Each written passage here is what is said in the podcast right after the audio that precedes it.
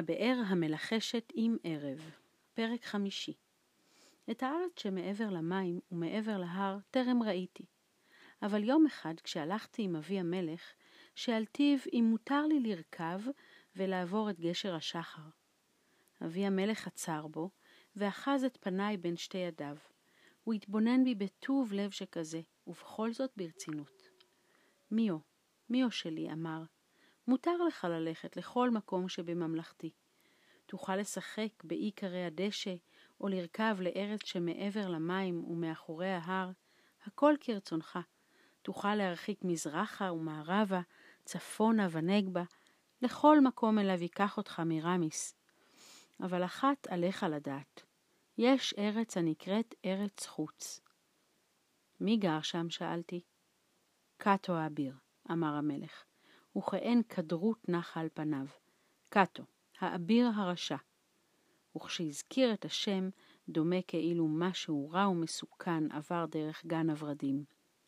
הציפורים הלבנות עפו אל קיניהן, ציפור העצב צווחה בקול ונופפה בכנפיה הגדולות השחורות, ובה בשעה מתו ורדים רבים. מיו, מיו שלי, אמר אבי המלך, אתה היקר לי מכל, וליבי כבד עלי, עת אהגה בקאטו האביר. אז חלפה אמיה בצפצפות הכסף, כמו סערת רוחות, עלים רבים נשרו לקרקע, ובנופלם היה משהו הדומה לבכי. הרגשתי כי אני פוחד מקאטו האביר, כל כך פוחד. אם ממך כבד, אל תהגה בו יותר, אמרתי. אבי המלך אחז בידי. הצדק איתך, אמר, זמן מועט עוד נותר לך שלא להגות בקאטו האביר. זמן מועט עוד תוכל לחלל בחלילך ולבנות סוכות בגן הורדים. אחר המשכנו ללכת ולחפש את יומיום. לאבי המלך היו הרבה עניינים לסדר בממלכתו הגדולה, אבל תמיד מצא זמן בשבילי. אף פעם לא אמר, לך, לך, אין לי עכשיו פנאי. הוא אהב להיות איתי. בכל בוקר היה הולך איתי לגן הורדים. הוא הראה לי את מקום קיניהן של הציפורים, והסתכל בסוכה שלנו, לימד אותי כיצד לרכב על מירמיס, ושוחח איתי ועם יומיום על כל דבר. ואת זה דווקא כל כך אהבתי, שהיה משוחח גם עם יומיום, בדיוק כפי שאבא של בנקה היה עושה איתי. נעים היה כשאבא של בנקה היה משוחח איתי, ובנקה היה נראה כל כך שבע רצון, כאילו הוא חושב לעצמו, אמנם זה אבא שלי, אבל אני אוהב שישוחח גם איתך. ובדיוק הרגשה כזאת הייתה לי כשאבי המלך היה משוחח עם יומיום. ולכן היה זה מוצלח מאוד שיומיום ואני היינו יוצאים לטיולי רכיבה ארוכים, כי אחרת כיצד יוכל אבי המלך למצוא פנאי לנהל את ממלכתו הגדולה? לולא היינו יוצאים לפעמים לימים שלמים, ודאי, ודאי היה אבי המלך מתעסק רק בי, ומשוחח ומשחק איתי במקום לעסוק בענייניו. הנה כי כן, היה זה באמת טוב, שהיו לי רעים כמו יומיום ומירמיס. הו מירמיס שלי, אילו טיולי רכיבה ערכנו על גבו. מירמיס שלי, אשר העבירני מעל לגשר השחר בפעם הראשונה, זאת לא אשכח לעולם. היה זה בשעות השחר, שעה ששומרי הגשר זה עתה פרסו אותו. העשב הרך היה רטוב מטל, ופרסות מרמיס הזהובות נרטבו לגמרי. אבל דבר זה לא אכפת היה. היינו רדומים קצת, יום יום ואני, כי השכמנו קום כל כך. אבל האוויר היה קריר ורענן, וליטף את פנינו תוך כדי רכיבה על פני קרי הדשא. ממש התעוררנו. הגענו לגשר השחר בדיוק עם עלות השמש. עלינו על הגשר, והרגשנו כאילו הננו רוכבים על קרני זהב ואור. גבוה גבוה, מעל לפני המים היה הגשר. כמעט נתקפתי סחרחורת כשהבטתי למטה. הגבוה והארוך בגשרי תבל היה הגשר שרכבנו עליו. רעמת הזהב של מירמיס נוצצה לאור השמש. הוא רץ במהירות יותר, יותר ויותר מהר. עלינו מעלה, מעלה ומעלה בגשר. פרסות מירמיס הלכו כרעם. היה זה נהדר כל כך. עוד מעט קט ונראה את הארץ שמעבר למים. עוד מעט. עוד מעט קט. יום יום קראתי, יום יום, האינך שמח? האין זה נהדר? ובדיוק אז ראיתי מה עלול להתחולל, את הדבר האיום שעמד להתחולל. מרמיס דהר הישר אל תהום. הגשר נפסק. באמצע חלל האוויר נפסק. כי שומרי הגשר עוד לא פרסו אותו כהלכה. טרם הגיע לארץ אשר מעבר למים. היה עוד רוח גדול בלי גשר בכלל, ורק תהום מחרידה. מעולם לא פחדתי כל כך לפני כן. רציתי לצעוק ליומיום, אבל לא יכולתי. משכתי במושכות מרמיס, וניסיתי לעצור בו, אבל הוא לא ציית לי. הוא צנף בפראות והמשיך לדהור, הישר אל מול המוות, ופרסותיו הלמו. כמה פחדתי. עוד רגע וניפול לתהום, עוד רגע ולא אשמע עוד את פרסות מרמיס, אלא את צביחתו בלבד, שעה שידרדר תהומה, ורעמת הזהב שלו מתנופפת סביבו.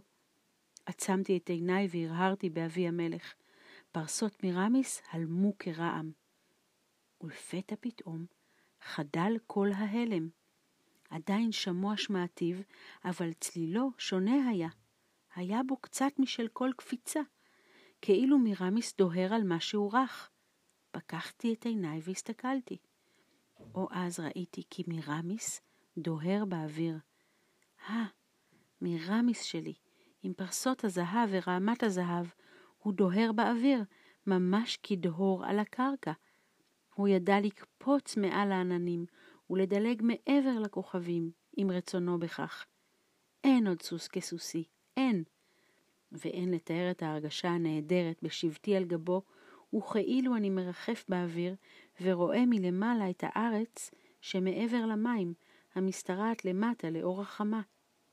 יום יום קראתי, יום יום, מירמיס יודע לדהור על עננים. האם לא ידעת? אמר יום יום, כאילו זה הדבר הרגיל שבעולם. לא, מניין יכולתי לדעת, אמרתי. אז צחק יום יום. אתה יודע כל כך מעט, מיו, אמר. רכבנו שם למעלה הרבה זמן, ומירמיס קפץ מעל העננים הלבנים, וזה היה משעשע באמת. אבל לבסוף רצינו לנחות. מירמיס פנה לאט לאט לקרקע ועמד. חנינו בארץ שמעבר למים.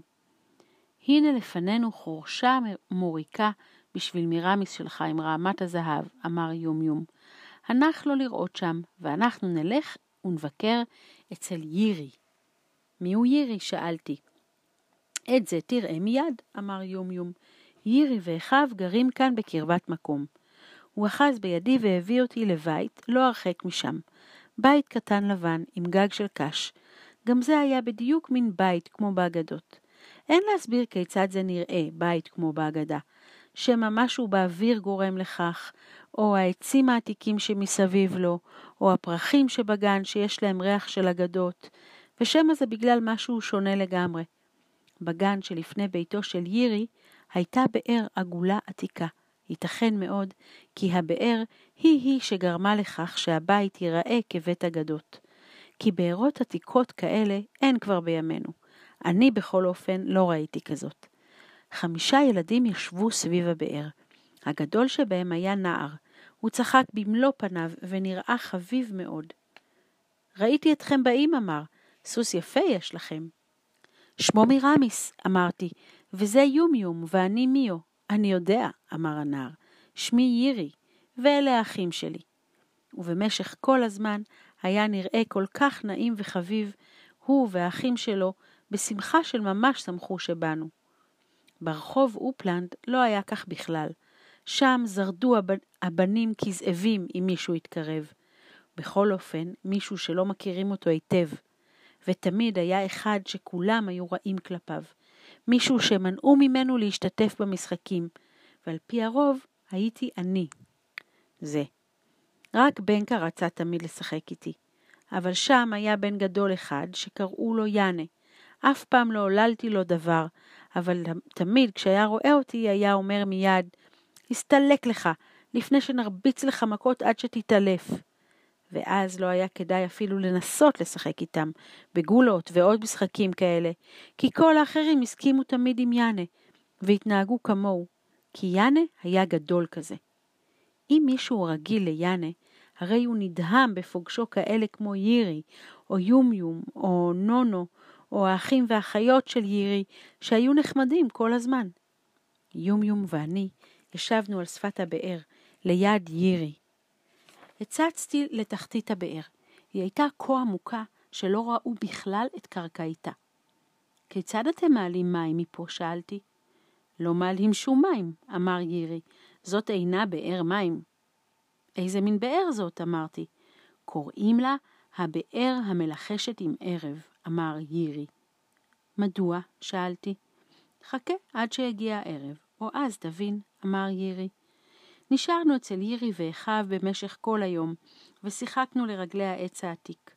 כשרעבנו רצה אחותו של יירי, מינון הנל, למטבח והביאה לחם. גם זה היה מאותו לחם המשביע רעב, והיה טעים כמו זה שאכלתי קודם לכן. מצאתי כפית בעשב מתחת לעץ, כפית כסף קטנה. הראיתי אותה לירי, והוא נראה עצוב. הכפית של אחותנו, אמר. מיו מצא את הכפית של אחותנו, קרא לאחיו. איפה אחותכם? שאלתי. קאטו האביר, אמר ירי.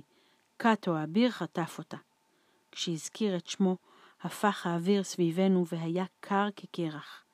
החמנייה הגדולה שצמחה בגן נבלה ומתה, ופרפרים רבים השאירו כנפיהם ולא יכלו לעוף עוד. ואני הרגשתי כי פוחד אני מפני קאטו האביר. מעולם לא פחדתי פחד רב כל כך.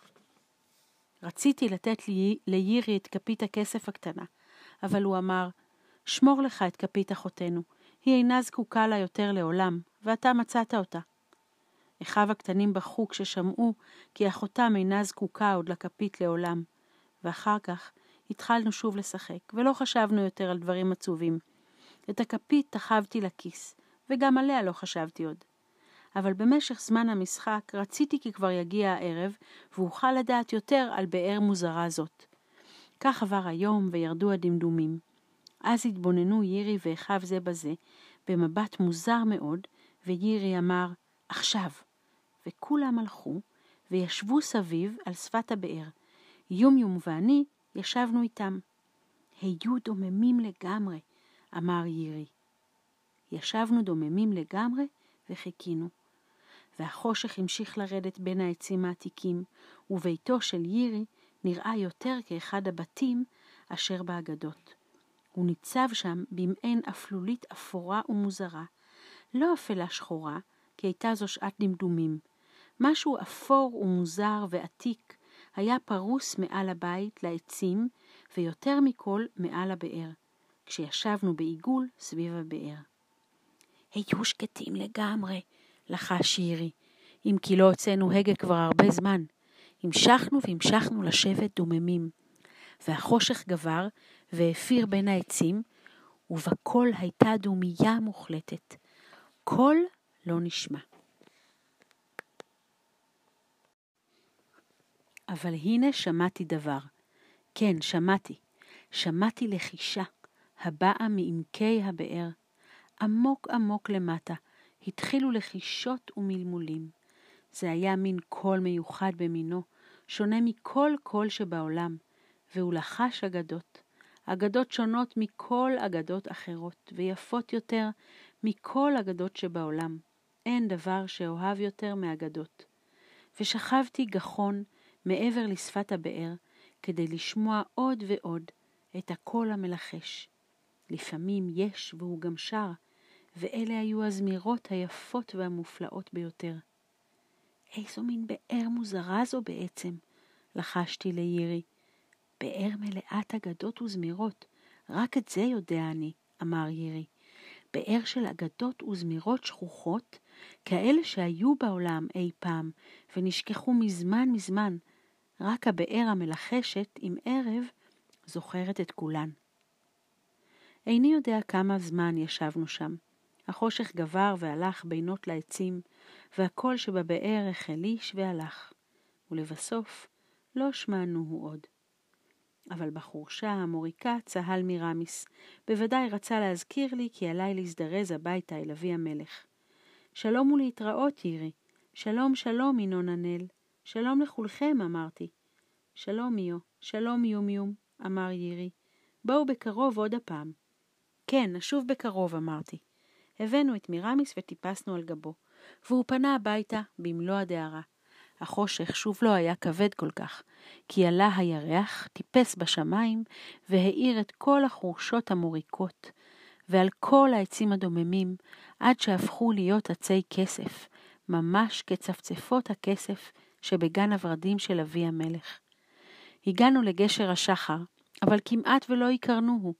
הוא היה שונה לחלוטין, הוא נראה כאילו עשוי קרני כסף. בלילה יש לו שם אחר, אמר יומיום, כשרכבנו ועלינו על הגשר. מה שמו בלילה? שאלתי.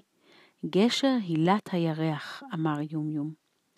רכבנו ועברנו על גשר הילת הירח, אשר עוד מעט השומרים יאספו, וראינו את מדורות הרועים באי קרי הדשא, כאילו הן להבות קטנות הרחק הרחק. כל העולם היה דומם דומם, ולא נשמע קול, אלא פרסותיו של מירמיס שהלמו על הגשר. מירמיס נראה כמעט כסוס רפאים באור הירח, ורעמתו שוב לא הייתה רעמת זהב, אלא רעמת כסף. נזכרתי בבאר המלחשת עם ערב, ובכל האגדות ששמעתי. אחת מהן אהבתי במיוחד. היא התחילה כך: היו היה בן מלכים, אשר יצא למסעותיו, ורכב לאור הירח. תארו לכם, הרי כמעט שאני יכולתי להיות בן מלכים זה, הרי אני בן מלך.